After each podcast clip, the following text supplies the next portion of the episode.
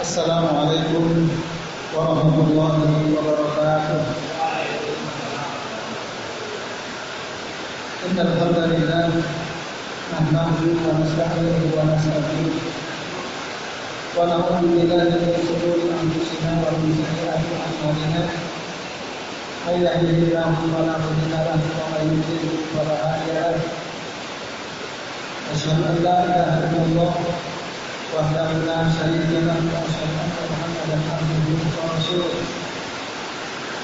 اللهم صل وسلم وبارك على محمد وعلى آل محمد كما صليت وباركت على إبراهيم وعلى آل إبراهيم في العالمين إنك حميد مجيد. رب اشرح لي صدري ويسر لي أمري واحلل عقدة من لساني يفقهوا قولي. بعد Bapak sekalian, ada dari Alhamdulillah pada malam hari ini meskipun hujan cukup deras ya, tapi Alhamdulillah masih bisa ya, kita bertemu untuk melanjutkan ngaji kitab Hilyatul Qalimin. Insya Allah pada malam ini kita akan membahas bab yang ke-22 bab tentang belajar dari ahlul bid'ah. Ahlul bid'ah. Halaman 44. Baik, mari kita perhatikan ya sekalian. Qala al-mu'allif rahimahullah berkata penulis kitab Hilyatul Talibin yaitu Syekh Bakar bin Abdullah Abu Zaid Ihzar Abal Jahal Al-Murtadi'ah alladhi masahu zaidul aqidati wa wasiyar usuhul urafa berhati-hatilah terhadap Abu Jahal. Dalam tanda kutip. Maksud Abu Jahal itu ya orang bodoh. Biang kebodohan. Siapa itu orang biang kebodohan Abu Jahal itu? Yaitu ahlul bid'ah. Ahlu bid'ah Jadi orang yang suka berbuat bid'ah, ahlul bid'ah itu adalah Abu Jahal. Saya baca. Yang kebodohan. Mereka orang bodoh ahlul bid'ah. Alladhi masahu zaibul aqidati yang telah dipengaruhi oleh penyimpangan akidah. Wa qasiyatku suhubul khurafah dan telah diliputi oleh awan kurofat. Yuhakimul hawa wa yusammihi al-aqla. Yang menjadikan hawa nafsu sebagai anutan, sebagai acuan. Dan mereka menyebut hawa nafsu itu sebagai akal. Wa ya'dilu anin. Dan mereka meninggalkan dalil jadi ahlul bidah itu mengikuti hawa nafsu, mengikuti akal dan meninggalkan da dalil. Nas nas yang dimaksud di sini meninggalkan da dalil dari Al-Qur'an maupun dari sunnah Nabi Shallallahu alaihi wasallam.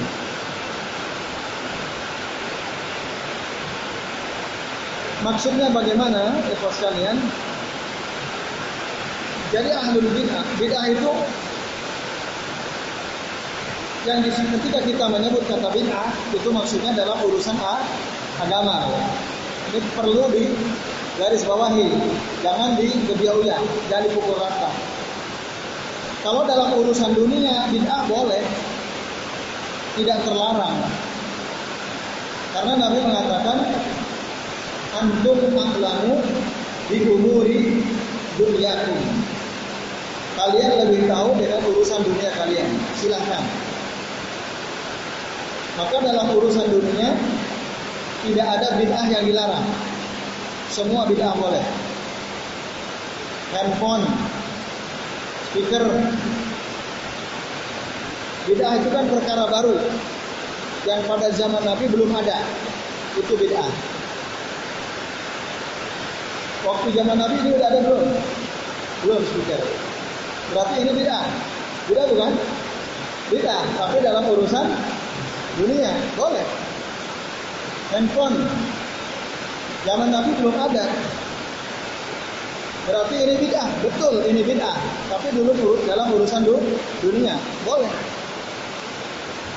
Nah, jangan sampai kita di putar-putar oleh ahli bid'ah untuk membenarkan kebid'ahannya. Suatu kali pernah ada video ya. Tokohnya itu Komar, Haji Komar, pelawak, enggak pelawak. Haji Komar. Sama Roma Irama. Udah pernah lihat videonya? Pernah ya? Waktu itu kalau nggak salah Roma Irama lagi zikir pakai tasbih. Kata Haji Komar, ini bid'ah. Bid'ah, bid'ah. Kata Ustadz Hasan ini bid'ah. Dia nyebut nama Ustadz Hasan, tapi bukan saya ya. ini bid'ah. Baik kata Roma Irama. Ya udah ayo kita jalan. Naik motor kan. Eh kok antum mau naik motor ini bid'ah loh motor. Nah, dikesankan seakan-akan Haji Komar bingung. Oh iya, ini bidah juga. Lalu video itu ingin menggiring kita bahwa bidah itu nggak apa-apa. Bidah itu nggak apa-apa. Padahal yang dibicarakan oleh Komar dan Roma Irama itu semua urusan dunia. Dan memang itu ada masalah. Walaupun tasbih ya, tasbih. Para ulama mengatakan ini sebagian tinggalkan. Karena Rasulullah dulu waktu zikir menggunakan ruas jari, tidak pakai tasbih. Nah, tapi sebagian lagi mengatakan boleh saja. Karena tasbih itu sarana. Intinya adalah zikirnya. Tasbih itu sarana untuk menghitung zikir. Kan zikir ba'da sholat 33 tasbih 33 tahmid 33 Allahu Akbar kan gitu. Sarana yang digunakan Nabi ini maka sebaik-baik sarana untuk zikir adalah ruas jari kita. Tapi ya, jika misalnya dia agak sulit menggunakan ruas jari, kadang dia sering melamun gitu lagi zikir kan nggak nge, ya kan? Ada kadang-kadang kan? Lalu dia lebih nyaman kalau menggunakan tasbih. Tasbih itu alat untuk menghitung itu loh ya. Atau ada alat digital, tas digital. Itu kan sarana untuk menghitung zikir. Sebagian ulama boleh, itu sarana. Sama sarana ini. Dulu zaman Nabi, Bilal nggak pernah azan pakai speaker. Naik ke atas menara, teriak kenceng supaya terdengar orang-orang banyak. Sekarang mau gitu boleh nggak? Mau pakai menara, teriak-teriak boleh atau enggak? Ya boleh saja kalau mau. Kalau mau boleh saja. Ya. Tapi kalau ada yang lebih efisien, lebih efektif, kenapa enggak kita pakai speaker? Biaya untuk bangun menara kan lumayan mahal gitu ya. Udah deh nggak asal ada menara, pakai speaker. Ini sarana untuk azan boleh. Waktu zaman Nabi ada nggak ada, tapi ini sarana boleh. Kemudian apa lagi waktu itu? Ah, beduk, beduk. Kata Komar, ini bidah, ini bidah. Di zaman Rasul nggak ada. Mau masuk waktu sholat pakai beduk. Oke, kata Rama Irama. Ya udah antum ajan aja sekarang ajan. Pas mau ajan ini bidah, zaman Rasul nggak ada ini. Kata Roma Irama protes sama Komar. Ya juga ini kan. Nah seakan-akan waktu itu yang dinarasikan Komar kalah argumen sama Roma. Roma Irama. Jadi bid'ah itu nggak apa-apa, bid'ah hasanah kan gitu. Maunya video itu mau mengatakan bid'ah itu ada bid'ah hasanah.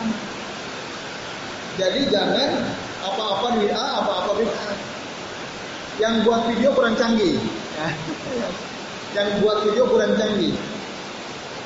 Dia pemahamannya masih apa ya masih dangkal tentang bid'ah yang dilarang dalam hadis Nabi Shallallahu Alaihi Wasallam. Jadi apa yang dibincangkan oleh Komar dan Roma Irama itu bid'ah dalam urusan dunia. Boleh. Dalam urusan dunia. Urusan dunia, motor urusan dunia. Beduk, tasbih, walaupun ada khilaf, itu perkara dunia. Poinnya kan bukan di beduknya, tapi supaya orang tahu waktu sholat sudah datang. Meskipun dulu waktu akan para sahabat kan sempat diskusi, belum ada syariat adzan. Ya Rasulullah bagaimana caranya supaya orang tahu waktu sholat sudah tiba. Ada yang usul gimana pakai lonceng aja. Oh kata Rasul jangan. Lonceng itu si siarnya orang Nas Nasrani. Gimana kalau pakai trompet saja? Oh jangan. Karena itu si siarnya orang Yahudi. Oh bagaimana kalau pakai api saja? Jangan itu siarnya orang Majusi. Cuma waktu itu saya nggak ada yang tanya ya Rasul, bagaimana pakai beduk saja? Itu nggak muncul pertanyaan itu. Iya, ketinggalan tuh beduk ya. Nah, lalu gimana caranya? Caranya ya, ada sahabat waktu itu ya Rasulullah tadi malam aku mimpi begini, begini, begini. Yaitu dia diajarkan seruan azan. Nah, lalu Rasul bilang, Hada layu laru yang hak. Ini mimpi yang benar. Maka setelah itu Rasul menetapkan untuk memberitahu bahwa waktu sholat sudah masuk itu dengan azan. Trompetnya dipakai, apinya dipakai, apalagi tadi lonceng nggak dipakai. Seandainya beduk disebut mungkin juga nggak boleh, gitu ya. Maka yang dipilih adalah azan. Nah itu kalau beduk gitu ya. Jadi kalau udah sarana speaker, azan terdengar ngapain pakai beduk? Kalau dulu kan mungkin speaker masih susah, ya kan? Azan orang naik menara, suaranya kecil, pakai beduk, masih bisa diterima dulu. Sekarang udah penting, makanya beduk dipajang tuh sekarang ya.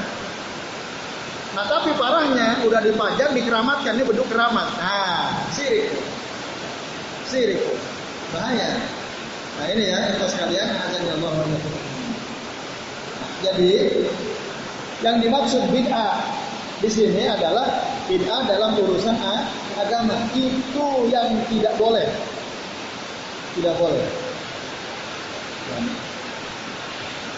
Jadi para pelaku bid'ah itu pasti pakai akal, lebih mengedepankan akal daripada da dalil. Contoh saja, membaca sholawat dalam tahiyat atau syahud ya dalam duduk tahiyat atau syahud. Ada nggak orang yang bilang ketika kita sedang tasyahud awal tasyahud akhir saat membaca sholawat kepada Nabi kita pakai Sayyidina kan? Allahumma salli ala Sayyidina Muhammad wa ala ali Sayyidina Muhammad. Dan itu diajarkan. Diajarkan atau tidak? Di sekolah-sekolah diajarkan di buku-buku ditulis. Nah. Ini sholawat udah ibadah masuk ibadah. Padahal dalam hadis yang sahih Nabi sama sekali tidak pernah mengajarkan baca sholawat pakai kata sayyid, sayyidina. Itulah yang benar. Tapi ahlul bid'ah mereka mengatakan pakai sayyid, sayyid. Kalau kita tanya dalilnya mana? Nggak ada. Paling mereka pakai akal. Menurut akal mereka, masa kita menyebut nama Nabi Muhammad kok langsung Muhammad? Nggak sopan. Pakai apa itu? Akal.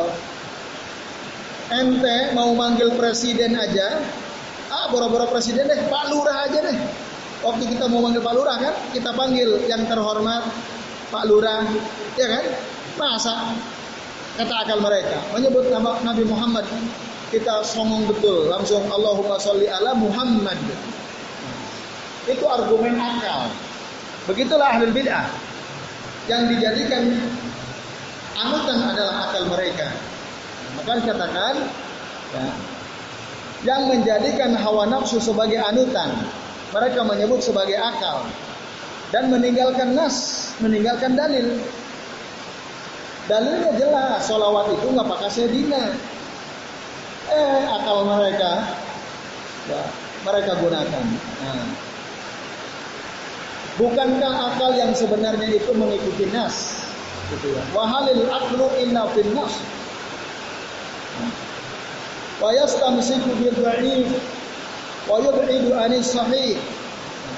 Jadi ahlul bid'ah itu berpegang kepada hadis dhaif menjauhi hadis yang sahih. Hati-hati.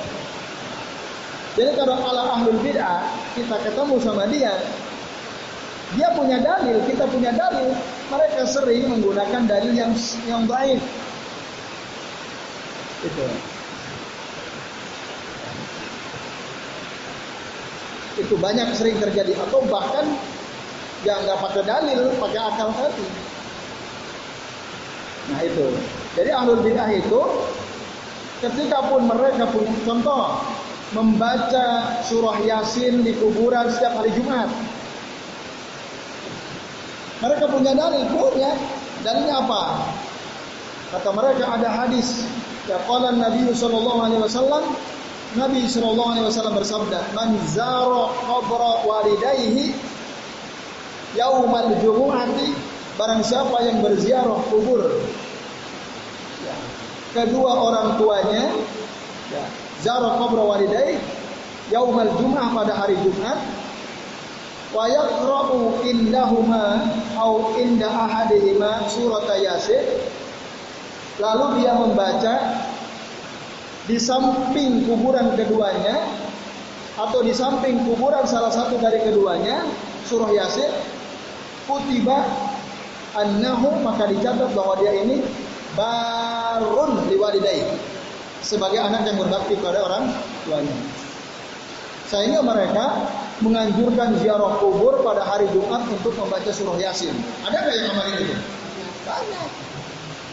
Nah, ini hadis baik. Tapi ahlul bid'ah seneng kayak begini ini. Padahal dalam hadis yang sahih tidak ada baca Quran di kuburan. Maka Rasul mengatakan, "Ij'alu au iqra'u Ela taj'alu buyutakumul maqabira. Janganlah kalian jadikan rumah-rumah kalian itu seperti. Caranya gimana? Iqra'u fihil Qur'an kata Rasul. Bacalah di rumahmu itu Al-Qur'an. Supaya enggak seperti ku. Berarti di kuburan dibacain Quran atau tidak? Tidak. Tidak. Oke, okay. Nah ini ya ikhwas sekalian azan Allah wa ajmain. Contohnya itu di kuburan tidak dibaca Al-Qur'an. Al-Qur'an. Swalayan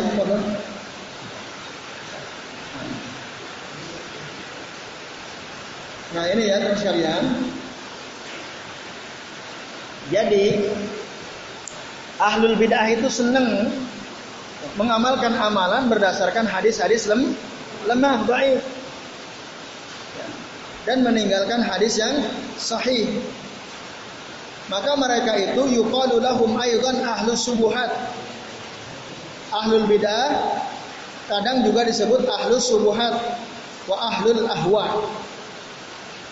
Oleh para ulama disebut ahlus subuhat atau ahlul ahwa. Paham ya?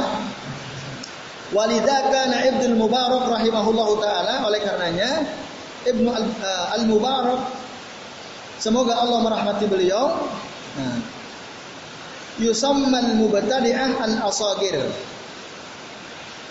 Ibnu Al-Mubarak beliau menyebut ahlul bid'ah para pelaku bid'ah itu dengan sebutan asagir asagir orang-orang kecil orang-orang remeh orang-orang yang tak berarti itu ahlul ahwa atau ahlul bid'ah atau ahlus subuhat.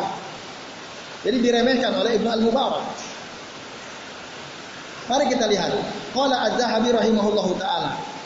Berkata Imam Az-Zahabi rahimahullahu taala, "Idza ra'aital mutakallim al-mubtadi'a yaqul Da'na minal kitab wal ahadis wa hati al-aqla. Fa'lam annahu Abu Jahlin." Kata Imam Az-Zahabi, jika engkau melihat ada seorang ahlul kalam yang juga ahlul bid'ah mengatakan biarkan kami meninggalkan Al-Qur'an, Alkitab wal ahadis dan hadis-hadis atau sunnah wahatil akal. Tetapi berikan kepada kami akal, fa'lam ketahuilah annahu Abu Jahlin. Bahwa dia ini adalah Abu Abu Jahal. Atau biang kebo kebodohan. Dia nggak mau terima dalil dari Al-Qur'an. Dia nggak mau terima dalil dari hadis Nabi Shallallahu alaihi wasallam. Tapi dia hanya mau menggunakan akalnya. Maka orang yang ahlul kalam di sini ya, ahlul kalam, ahlul bid'ah yang selalu pakai akalnya, mengedepankan akal daripada dalil, ketahuilah itu adalah Abu Jahlin. Abu Jahal. Maksudnya apa Abu Jahal? Biang kebo. Jadi orang yang meninggalkan sunnah, meninggalkan Quran, dalil dari Quran sunnah, itu orang bodoh. Sebodoh-bodoh orang. Nah itu ya, ikhlas sekalian, azan ya Allah wa Jadi ketika kita mengatakan ini bukan nyinyir. Wah nyinyir terus bisanya enggak nyinyir. Ini menjelaskan yang hak dan menghalau yang batil. Jadi apa saja yang tidak ada penjelasannya dalam urusan agama ya sekali lagi dalam urusan agama maka dia itu bid'ah. Dan setiap bid'ah itu sesat dan setiap kesesatan itu di neraka. Ini hadis sahih. Maka Rasul mengatakan iyyakum wal muhdasat wa muhdasatil umur fa inna kulla muhdasatin bid'atun wa kulla bid'atin dhalalatun wa kulla dhalalatin finnar. Jauhi oleh kalian perkara-perkara baru dalam agama. Karena perkara baru dalam agama itu adalah bid'ah dan setiap bid'ah itu sesat dan setiap kesesatan itu ada dalam neraka. Eh kok kita berani bilang ada bid'ah hasanah? Wong Rasul bilang semua bid'ah itu bid'ah itu sesat, dolal. Nah ini sekali lagi dalam urusan aga, agama. Jadi nggak ada bid'ah hasanah dalam urusan agama nggak.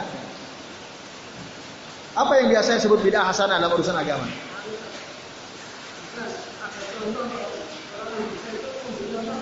Umar, Umar Ya. Ya, dalilnya itu. Ya. Coba perhatikan. Umar pernah sholat taraweh, ngumpulin orang kan, diimami oleh seorang sahabat. Lalu Umar mengatakan nikmal bid'ah nikmal bid'atu hadi, nikmal bid'ati hadi. Ya. Sebaik-baik bid'ah itu ini. Nikmal bid'atu hadhihi. Sebaik-baik bid'ah itu ya ini kata Umar. Apa yang dimaksud sebaik-baik bid'ah ini? Ngadain sholat taraweh secara berjamaah diimami oleh seorang sahabat.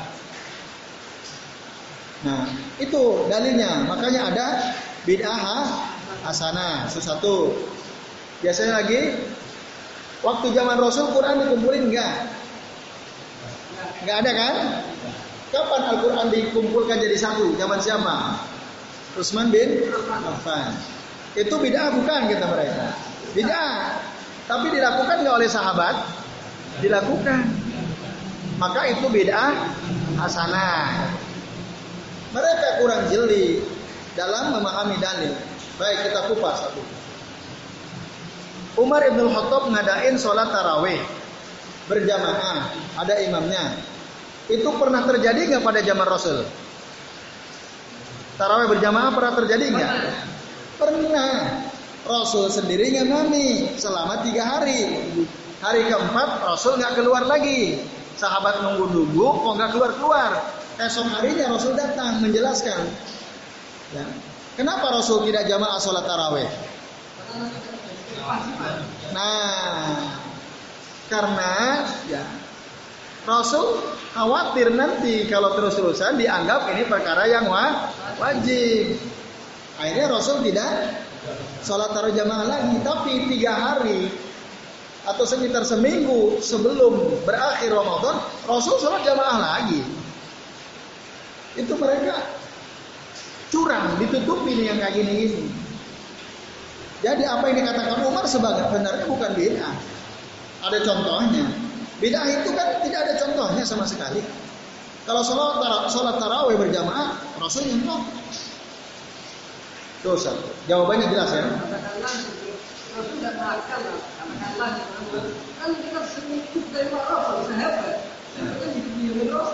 Nah, di samping itu, ya, sahabat itu sudah dapat rekomendasi dari Nabi.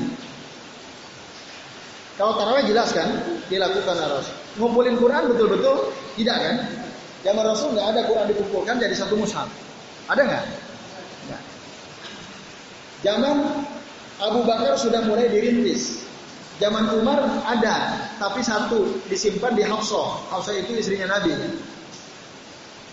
Ketika zaman zaman Utsman bin Affan, Islam sudah berkembang ke mana-mana, semakin luas. Banyak orang nggak ngerti, banyak orang susah ngapalin. Akhirnya para sahabat senior musyawarah lalu mengajukan kepada Utsman supaya Quran itu dijadikan mushaf dikumpulkan. Yang dipilih untuk jadi koordinator tim pengumpulan Quran Zaid bin Sabit. Antum tahu apa respon Zaid bin Sabit? Mau nggak beliau? Nggak mau. Silakan baca kitab Nafahat min Ulumil Quran yang ditulis oleh saya Ahmad Muhammad Ma'bad. Saya disebutkan. Kata Zaid bin Abi Zaid bin Sabit, ya, aku lebih baik disuruh untuk memikul gunung. Itu lebih baik bagiku daripada aku disuruh untuk mengumpulkan Quran jadi satu mushaf. Dia lebih baik dibebani untuk mikul gunung. Mungkin nggak? Nggak mungkin. Tapi lebih baik itu daripada mengumpulkan. Kenapa? Karena zaman Rasul Waktu Rasul masih hidup, Rasul nggak pernah nyuruh. Gitu, nggak pernah nyuruh. Maka Zaid bin Sabit terasa ini perkara baru dalam agama. Tapi setelah dijelaskan, terbukalah hati Zaid. Akhirnya mau. Nah, akhirnya dikumpulkan Al-Quran jadi satu mushaf zaman Utsman. Maka ada Rosmu Mushaf Ros, Rosmu Rumus Utsmani ya. Mushaf Utsmani. Ikhwas sekalian, Utsman bin Affan itu salah satu khalifah yang empat. Rasul telah memberikan rekomendasi. Apa kata Rasul? Rasulullah SAW bersabda, Alaikum bisunnati wa sunnatil khulafa'ir rasidin al-mahdiyyin.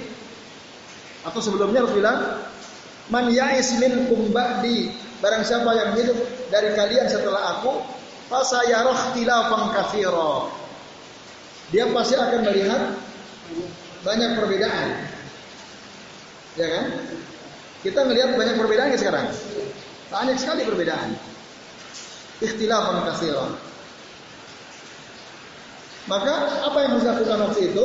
Alaikum bisunnati wa sunnatil khulafa'ir rasidin al-mahdiyyin tamassaku biha wa haddu 'alaiha bin nawadid kata Rasul. Hendaklah kalian mengikuti sunnahku dan sunnah al-khulafa ar-rasidin al-mahdiyyin yang dapat petunjuk. Ya berarti siapa khulafa ar-rasidin al-mahdiyyin? Abu Bakar, Umar, Utsman, Ali. Tamassaku biha, berpegang teguhlah dengan sunnahku dan sunnah mereka. Wa adu 'alaiha bin nawadid, gigitlah dia dengan gigi geraham. Pegang kuat. Itu.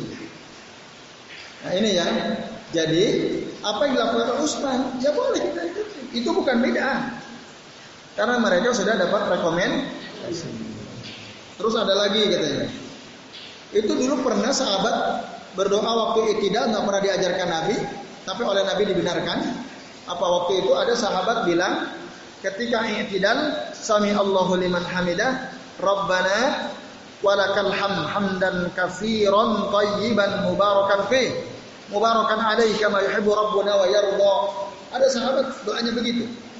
Padahal yang diajarkan aja Pak. Sami Allahu liman hamidah. Rabbana walakal hamd. Terus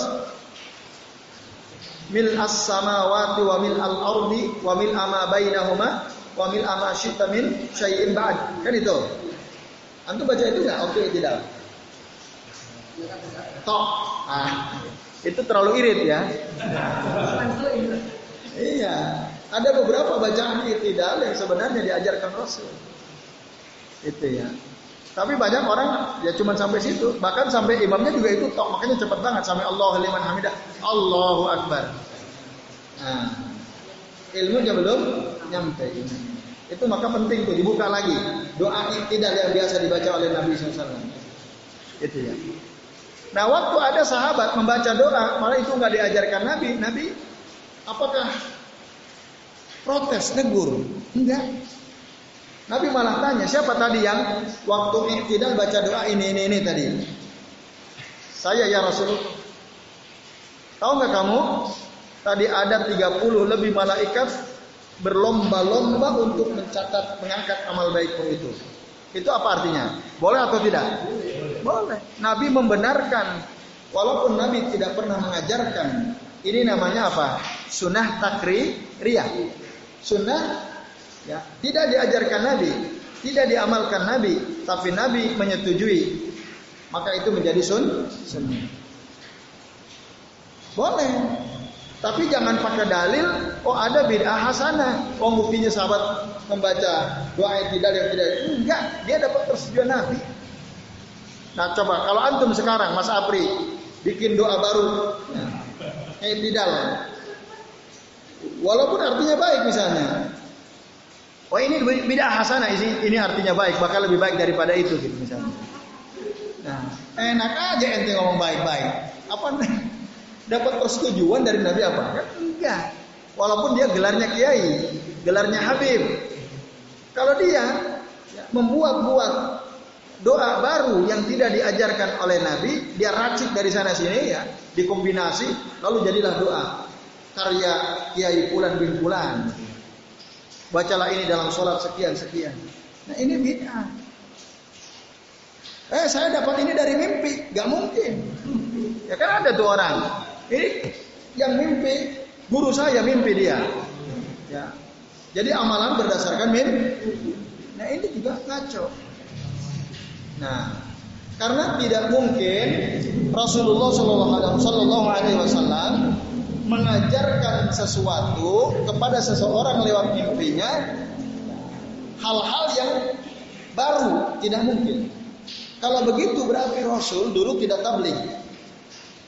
Tablik itu tidak menyampaikan sampai-sampai harus disampaikan kepada orang yang hidup di zaman sekarang ah, lewat mimpi. Itu tak benar. Para ulama menolak itu. Jangan percaya sama orang yang mengajarkan sesuatu kepada kita yang dia dapat ilmu itu lewat mimpi. Jangan percaya, itu kadzab, bohong. Walaupun dia bilang ini dari Nabi, itu bohong pasti. Mana dalil bahwa itu bohong? Nah, kita buka Al-Qur'an. Ini dalilnya. Antum harus tahu dalilnya. Kok itu bisa bohong? Nah, disebutkan di dalam Al-Qur'an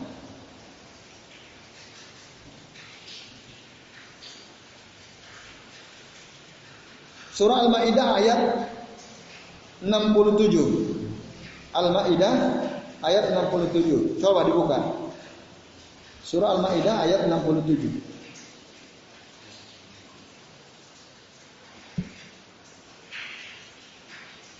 Sudah ketemu? Baik. Ya. Qala Allah Ta'ala fi kitabihil karim, Ya ayyuhar rasul, Ya ayyuhar rasul, balligh ma unzila ilaika min rabbika. Wa in lam taf'al fama balagta risalatah wallahu ya'simuka minan nas innallaha la yahdil qaumal kafirin. Artinya Wahai Rasul, sampaikanlah apa yang diturunkan Tuhanmu kepadamu. Ya. Jika tidak engkau lakukan apa yang diturunkan itu, berarti engkau tidak menyampaikan amanatnya. Oke, cukup saat situ aja. Ini dalilnya, ya. Wahai Rasul, sampaikanlah apa yang telah diturunkan oleh Tuhanmu kepadamu kalau kamu tidak melakukan berarti kamu tidak menyampaikan risalah itu. Artinya risalah itu harus disampaikan. Maka ketika Rasulullah wafat, semua risalah sudah disampaikan. Kalau disembunyikan berarti Rasul tidak menyampaikan risalah dan itu nggak mungkin. Karena salah satu sifat wajib Rasul itu adalah tabligh, menyampaikan. Lah ada orang ngaku-ngaku dalam mimpinya ketemu Nabi, Nabi ngajarin amalan ini dan itu, zikir ini dan itu. Itu kadzab, bohong. Berarti itu Nabi dulu nggak tuntas menyampaikan. Itu bohong. Kecuali ada orang aku mimpi ketemu Nabi Sallallahu Alaihi Wasallam. Mungkin atau tidak mimpi ketemu Nabi? Mungkin. Lalu Rasul mengajarkan kepadaku supaya aku membaca doa ini. Gimana doanya? Misalnya dia disuruh oleh Nabi dalam mimpinya itu ketemu Nabi disuruh untuk baca doa. Uh, gimana itu? Hasbiyallahu la ilaha illa huwa alaihi tawakkaltu wa huwa rabbul arsyil azim. Aku disuruh oleh Nabi membaca doa hasbiyallahu la ilaha illa huwa alaihi tawakkaltu wa huwa rabbul arsyil azim. Berapa kali? Tujuh kali. Nabi nyuruh aku waktu aku tidur mimpi ketemu beliau memesankan kepadaku supaya aku membaca doa ini setiap pagi dan petang tujuh kali. Mimpinya bisa diterima atau tidak? Bisa. Bisa. Kenapa? Karena itu pernah diajarkan Nabi dulu kepada para sahabat. Nah itu benar. Nah, tapi kalau ada orang ngaku saya ketemu dengan Nabi, lalu Nabi mengajarkan kepadaku untuk zikir setiap pagi petang, ya. Ah, hu hu hu hu seribu kali menghadap ke arah timur, ha ha ha ha, menghadap ke arah selatan, hi hi hi hi menghadap ke arah barat seribu kali, hehehe menghadap ke arah utara seribu kali. Misalnya ada orang ngomong begitu, aku diajarkan oleh Nabi begitu. Kadzab, bohong dia. Atau mungkin walaupun misalnya dengan yang kalau orang awam oh ini zikir beneran gitu ya. Misalnya wujudullah, zatullah, kudratullah, jalalullah misalnya. Gitu ya. Jadi aku diajarkan oleh Nabi untuk zikir ini. Wujudullah, zatullah, kudratullah, jalalullah misalnya. Berapa kali? Seribu kali. Jadi setiap pagi itu aku mimpi, misal ini misal ada orang ngomong ya. Ini kalau dipotong-potong bahaya nih nanti ya. Nah, ini misal ada orang dia cerita mimpi ketemu Nabi lalu diajarkan zikir zikirnya itu tadi ya, wujudullah zatullah kudratullah jalalullah Baca seribu kali menghadap ke timur, seribu kali menghadap ke selatan, seribu kali menghadap ke barat, seribu kali menghadap ke utara. Setiap ba'da subuh sampai terbit matahari. Rasul mengajarkanku begitu waktu aku mimpi ketemu beliau dalam tidurku. Terima atau tidak? Kenapa? Karena Rasulullah tidak pernah mengajarkan itu. Nah ini ya. Nah, itu hati-hati. Tapi orang awam bisa jadi oh iya. Nah, itu ya ikhwas kalian, azan ya Allah wa ajmain. Jadi, ya, itu nggak bisa, ya. Itu nggak bisa. Oke, baik. Kita kembali kepada kata-kata Imam Az-Zahabi. Jadi kalau ada orang menolak Al-Quran, menolak hadis-hadis Nabi, dia mengedepankan akal, ketahuilah dia ini Abu Abu Jahal. Pakai akal gitu ya. ya. Yang pernah saya cerita, ada seorang mahasiswa, saya kasih tahu, doa setelah azan itu sampai apa? Wa'adah ya. Allahumma rabb hadhihi da'wati tammah was salatil qa'imah ati Muhammadanil wasilata wal fadilah wa ba'ashu maqamam mahmudanil ladzi wa'atta sampai situ. Eh ada mahasiswa ngeyel. Ya ada lanjutannya. Innaka la tukhliful mi'ad kata dia. Ya itu nggak ada hadisnya saya sampaikan. Rasul nggak pernah ngajarin doa sa'adan pakai kalimat innaka la tukhliful mi'ad. Kan baik kan kata dia. Ya kan untuk diri saya sendiri kata dia. Nah, masya Allah ya. Udah kasih tahu dalilnya bahkan mereka udah tahu nggak ada dalam hadis indah kala tuflihul mi'at dia pakai. Dia bilang ini untuk kebaikan saya. Menurut saya baik dan untuk saya sendiri kata dia. Ya Ram saya bilang. Kalau begitu cara antum berpikir kan pakai otak, pakai otak dia kan. Bukan kembali kepada dalil dia pakai otaknya. Dan itu sangat berbahaya. Maka saya tanya, oke, kalau argumen antum diterima sekarang begini, boleh nggak nih saya berpendapat begini? Sholat subuh saya bangun subuh seger, habis istirahat. Dua rakaat kecil buat saya, saya tambah empat rakaat biar tambah mantap. Lalu dalam dua rakaat berikutnya saya baca suratul Fatihah, baca surah, baca zikir. Baik apa enggak? Baik. Baik apa enggak? Bingung dia. Mau bilang baik nanti gimana? Enggak. Diem. Nah, ketika dia diem kan berarti dia otaknya mengatakan enggak bener dong kan gitu. Lah kan yang saya baca bagus. Surah Al-Fatihah, surah-surah yang lain, baca subhanallah wa atau subhanakallahumma wa bihamdik Allahumma ghfirli waktu ruku dan sujud. Lah kok enggak baik? Baik kan? Tapi boleh enggak? Nah, baik tapi tidak bohong. Kenapa? Karena Rasul tidak pernah ngajarin. Antum baca doa setelah azan antum mau tambahi menurut otak antum baik. Tapi Rasul ngajarin enggak? Kalau enggak baik atau tidak? Ya tidak baik. Nah, itu ya. Gitu. Jadi ahlul ahwa, ahlul subuhat, ahlul bid'ah itu otak yang dipakai. Kalau enggak ya hadis lemah tadi untuk melestarikan kebid'ahannya. Baik. Kemudian fa'lam ya annahu Abu Jahal tadi. Ketahuilah dia yang mengedepankan otak itu adalah biang kebo kebodohan. Wa idza ra'aita salikat tauhidiyah yaqulu da'na minan nakli wa minal aql. Apabila kamu melihat ini kata Az-Zahabi, Imam Az-Zahabi, as-salikat tauhidiyah. As-salik itu sufi. Penempuh jalan su, sufi. At-tauhidiyah itu manunggaling kaulo gusti itu. At-tauhidi. Jadi Allah ada dalam diriku, diriku ada dalam Allah gitu kan. Manunggaling kaulo gusti. Allah bersatu dengan diriku. Kan ada itu. Itu sufi tauhidi namanya. Asal ikut tauhidi ya bukan tauhid dalam arti mengesahkan Allah enggak. Tauhid di sini maksud adanya persatuan antara aku dengan Tuhan itu. Kalau ada orang seorang pelaku sufi lalu dia mengatakan da'na minan nakli wa minan akal. Biarkan kami meninggalkan dalil. An-nakal itu dah dalil. Biarkan kami meninggalkan dalil nakal. Dalil nakal maksud dalil Al-Quran dan dari sun, sunnah. Dan biarkan kami meninggalkan dalil akal. Orang sufi itu nggak pakai nakal, nggak pakai akal.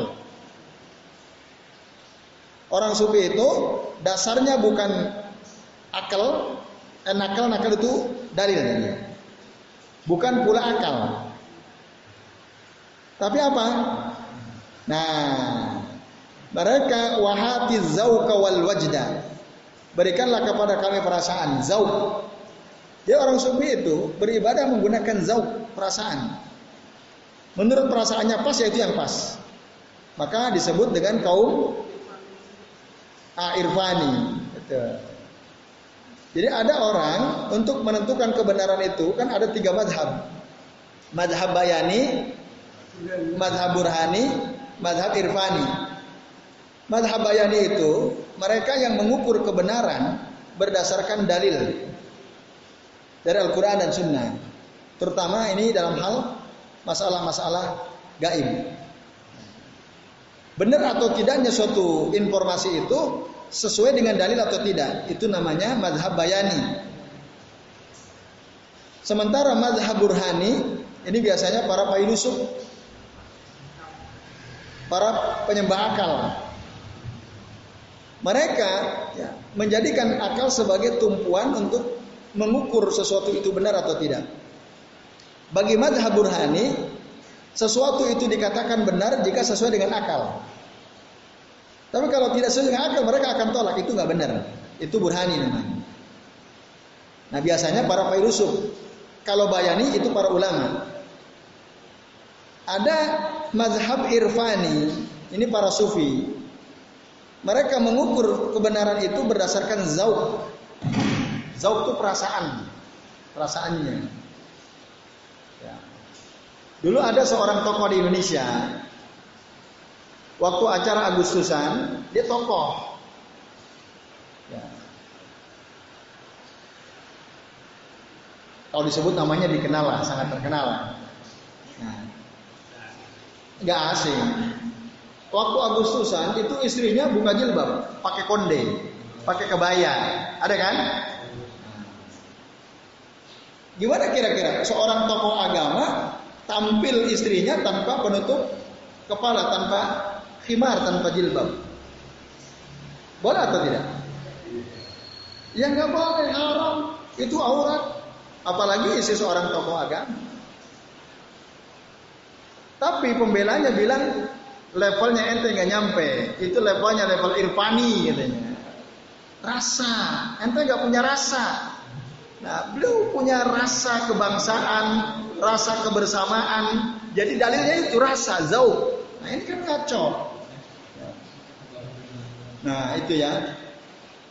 Maka kalau ada orang bilang begitu, kata Imam Az-Zahabi, ya, bilang da'na minan nakli wa minal aql wa hati zauqa wal wajda fa'lam ketahuilah annahu iblis. Dia itu ib, iblis kata Imam Az-Zahabi. Jadi orang mengatakan ya yang mengatakan biarkan kami meninggalkan dalil nakli maupun akal, berikan kepada kami perasaan, maka ketahuilah bahwa dia itu iblis. Kata siapa ini? Imam Az-Zahabi. Ya. Fa'lam annahu iblis. Qad zahara bi surat bi. Yang telah menjelma dalam bentuk manu, manusia. Ya. Au qad halla atau telah merasukinya. Iblis telah merasuki manu, manusia. Fa in jabunta minhu ya fahrub. Jika engkau takut kepadanya, takut kena subhatnya, lari tinggalkan ahlul bid'ah itu. Ahlul khurafat itu tinggalkan. Kata Imam Az-Zahabi. Wa illa fasrahmu tapi kalau kamu nggak takut, kamu berani, masrohmu banting dia. Ya, banting kalau berani. Ya, kemudian apa lagi? Uburuk ala sadri. Ya, tindih dadanya dengan lututmu. Wakra alaihi ayatul kursi. Baca kepadanya ayat kur, kursi. Wahnukhu. Dan cekiklah dia. Wah. Ngeri. Ngeri. keras sekali ini. Ya. Jadi ahlul bidah itu harus digituin. Nah. Walaupun sekarang orang dibikin bisa mati itu ya. Nah. nah ini artinya apa yang dikatakan oleh Imam Az-Zahabi ini menunjukkan betapa kerasnya beliau dalam menghadapi alul bidah. Tegas keras. Alul bidah itu harus dihadapi begitu. Jangan melempem. Kalau kita nggak berani, nggak punya ilmu, menjauh, jangan deket-deket, jangan duduk di majelisnya, jangan ngobrol sama dia, nanti kita keracunan, keracunan bid'ahnya, itu bahaya. Maka fahrum minhu katanya, lari dari si ahlul ahwa ahlul bid'ah itu. Ini bapak-bapak dan ikhwan sekalian, azan Allah ya. Jadi jangan dekat-dekat sama orang seperti itu.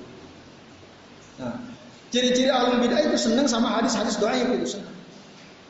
Nanti kalau datang bulan Rojab, hadis doib muncul banyak banget. Datang bulan ini hadis doib digantikan dasar ini itu. Datang tahun baru, ada doa awal tahun akhir tahun yang dibuat-buat oleh mereka. Biasa dilakukan ketika menjelang maghrib dan setelah maghrib misalnya. Ada doanya khusus itu ya. Ada, bahkan kitabnya ada dan kami punya kitabnya, rujukan-rujukan yang jadikan rujukan oleh ahlul bidah. Nah ini ikhwas sekalian, azan ya Allah wa. Ya, saya kira sampai sini dulu aja ya. Nah ini sudah jam 10 lewat. Afwan tadi saya agak telat ya. Uh, insya Allah nanti mudah-mudahan akan datang bisa lebih awal. Jadi sampai kata-kata Imam Az-Zahabi halaman 46 ya uh, atas sendiri. Nanti insya Allah kita lanjut uh, pada halaman 46 khususnya. Ini, dan pada dulu teman-teman juga yang banyak yang pamit nih ya. Mungkin karena hujan, lebih enak di rumah kayaknya ya. Oke, baik. Ya, barakallahu fikum. Semoga kita semua senantiasa diberikan keberkahan yang bisa hadir ke sini dan semoga teman-teman yang tidak hadir senantiasa diberikan kesehatan dan tetap semangat. Baik, saya kira ini cukup. Sebelum kami akhiri, barangkali ada di antara teman-teman mau tanya silahkan. Uh, kalau mimpi ketemu Rasul kan mungkin. Ya. Tapi kemungkinan seorang itu bisa melihat Allah secara sadar kan banyak di forum-forum kan eh, ada yang pemimpinnya melihat Tidak dalam mimpi. Ah, jadi tidak sadar gitu Hmm, sadar. itu apakah bisa juga Oke, itu saja. Baik. Oh, tak Ya. Eh, kalau ini kan walimat yang Ah, majzub ya. Apakah eh, kan kalau kalau penjelasannya itu kan bahwa jiwanya itu sudah diangkat gitu Ditarik gitu ya, ditarik ditarik. itu jadi jiwanya berada dalam tubuhnya dan dasarnya seperti itu Ah. juga ada tiba dalam agama Hmm. Dalam syariat bener ada enggak kayak gitu ya? Ya baik, wali majzub ya. Eh, baik, terima kasih Mas Abdul. Yang pertama melihat Nabi secara sadar, mungkin enggak? Ya. Jawabannya tidak mungkin. Ya, tidak mungkin Nabi yang sudah meninggal datang hadir secara nyata lalu dilihat oleh seseorang secara sadar. Kalau kita kembali kepada dalil, ini kan perkara gaib ya. Harus ada dalilnya. Ya, harus ada dah dalilnya. Tidak mungkin. Nabi ada di tempatnya. Ya, ruh beliau ada di langit sana, di atas. Orang-orang soleh ruhnya ada di atas. Nah, dan beliau pernah mengatakan, Sallu alayya bersolawatlah kalian kepadaku haitsuma kuntum. Di mana pun kalian berada. Fa inna solatakum tabluguni. Sesungguhnya solawat kalian itu sampai kepadaku. Jadi bersolawat di mana pun kalian berada. Fa inna lillahi ya. Dan sesungguhnya Allah itu memiliki ar-rayyahun. Ya. Malaikat-malaikat rayyah, itu yang berkeliling setiap setiap saat, keliling. Akan mendengarkan setiap hamba-hamba Allah yang bersolawat kepada Nabi SAW. Maka malaikat rayyah, ar-rayyahun itulah yang menyampaikan solawat kita kepada Nabi. Bukan Nabi yang datang. Gitu. Maka ada juga dalam penjelasan sebagian orang katanya ketika kita membaca sholat pada Nabi ya waktu berjanji itu loh ada mahadul kiam saat kita baca itu tempatnya berdiri kenapa karena rohnya Nabi hadir gitu.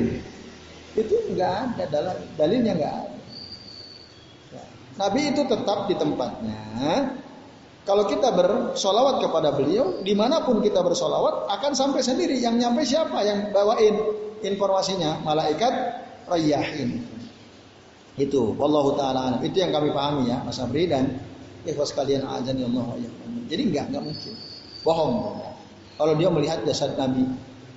Itu yang kami ketahui. Karena enggak ada ya dasarnya enggak ada. Gimana kalau karomah? Karomah wali karena dia wali Allah kemudian dia mendapatkan sesuatu yang di luar kebiasaan. Wallahu a'lam. Saya nggak tahu apakah dulu ada Ya, orang-orang yang sangat dekat dengan Allah, para wali Allah itu, mereka cerita bahwa mereka pernah ketemu secara sadar dengan Nabi Shallallahu Alaihi Wasallam. Nah, tapi kalau kita kembali kepada dalil, sejauh yang kami pahami itu tidak tidak ada. Seandainya Nabi bisa datang memperlihatkan dirinya kepada orang yang masih hidup sekarang, ya Nabi nggak mungkin bilang Sallu alayya hai kuntum fa inna salatakum tabluguni. Nggak mungkin begitu. Salawatlah kalian kepadaku di mana pun kalian berada, karena sholawat kalian itu di mana pun kalian bersolawat akan sampai kepadaku. Seandainya Rasul datang, bisa datang, nggak mungkin Rasul ngomong begitu, nggak akan datang, kan gitu. Tapi Rasul nggak ngomong begitu. Wallahu taala alam. Ya itu yang kami pahami. Yang kedua wali majzum. Siapa yang biasa disebut wali majzum itu? Majzum itu artinya ditarik ya, jadzabah yujazzim. Ditarik. Jiwanya ditarik katanya. Mendekat kepada Allah Subhanahu wa taala. Nah, sehingga wujud nyatanya ya nggak normal atau dalam bahasa lainnya apa? Nggak normal itu autis atau idiot kan begitu, iya kan? Nah, biasanya yang disebut wali majzub itu keturunan kiai biasanya.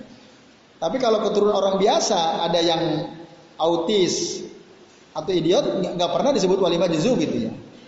Nah itu sikap gulung berlebihan dari seorang murid kepada gurunya. Memang seorang murid harus menghormati kiai gurunya, termasuk anak ketu keturunan. Itu adab terhadap guru. Tapi dalam Islam kita nggak boleh berlebih-lebihan di dalam menghormati siapa pun termasuk guru kita. Nggak boleh gulu, gulu nggak boleh. Sampai saking hormat kepada gurunya, apa pun yang dikatakan gurunya dibenarkan. Meskipun jelas salah tapi dibener-benerin. Itu gulu namanya. Bahkan ketika gurunya, oh istrimu cantik juga ya. Kasihin dong sama aku. Dikasih juga. Itu gulu namanya. Itu nggak benar. Nah, termasuk tadi menghormati putranya yang mohon maaf misalnya tidak normal begitu ya Qadarullah ya, qadarullah tidak normal. Jadi kalau ngomong asal ngomong, kadang joget-joget sendiri ngomong asal gitu ya. Dan bapaknya adalah guru kita misalnya, maka jangan sampai kita berlebihan. Akhirnya kita bilang, wah ini wali. Wali majzub. Kekasih Allah yang jiwanya tertarik jadi tadi. Lah, bahkan sampai ya ada khurafat. Mohon maaf ya, ada orang yang tadi tidak normal, dia keturunan seorang seorang ulama. Nah, suatu saat dia berjalan dengan temannya, ya sesama orang keturunan alim juga begitu ya.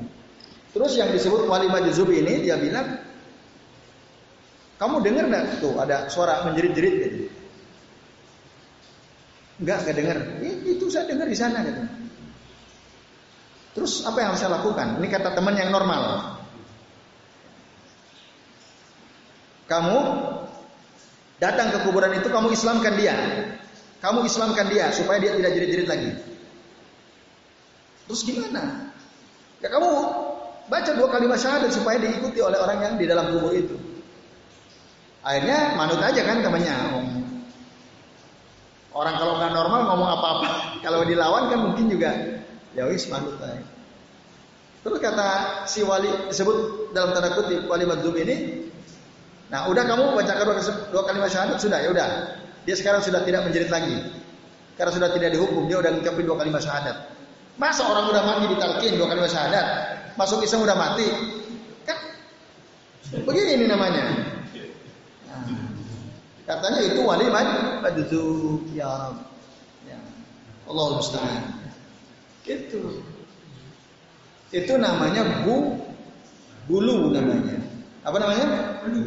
Berlebih-lebihan dalam menghormati guru atau anak keturunan guru. Meskipun orang tuanya guru kita ya. orang yang kita hormati. Tapi tadi tidak boleh gu gulu ikhwas sekalian. Jelas ya? Itu Mas Afri wallahu taala alam ya. Ada lagi yang mau tanya? Sudah jelas? Baik. Alhamdulillah ya sekalian ini yang bisa kita bahas, mohon maaf ya. Jadi sampai halaman 46 tadi ya. Halaman 46 paragraf pertama. Insya Allah nanti kita ketemu lagi, sambung lagi di pekan yang akan datang. Semoga ya dalam keadaan yang lebih baik, antum semua dalam keadaan sehat walafiat. Dan sebelum waktu saya kembalikan ke Mas Yoyo selaku pembawa acara, ya, kami akhiri Wassalamualaikum ala Muhammadin Billahi taufiq wal hidayah. Wassalamualaikum warahmatullahi wabarakatuh.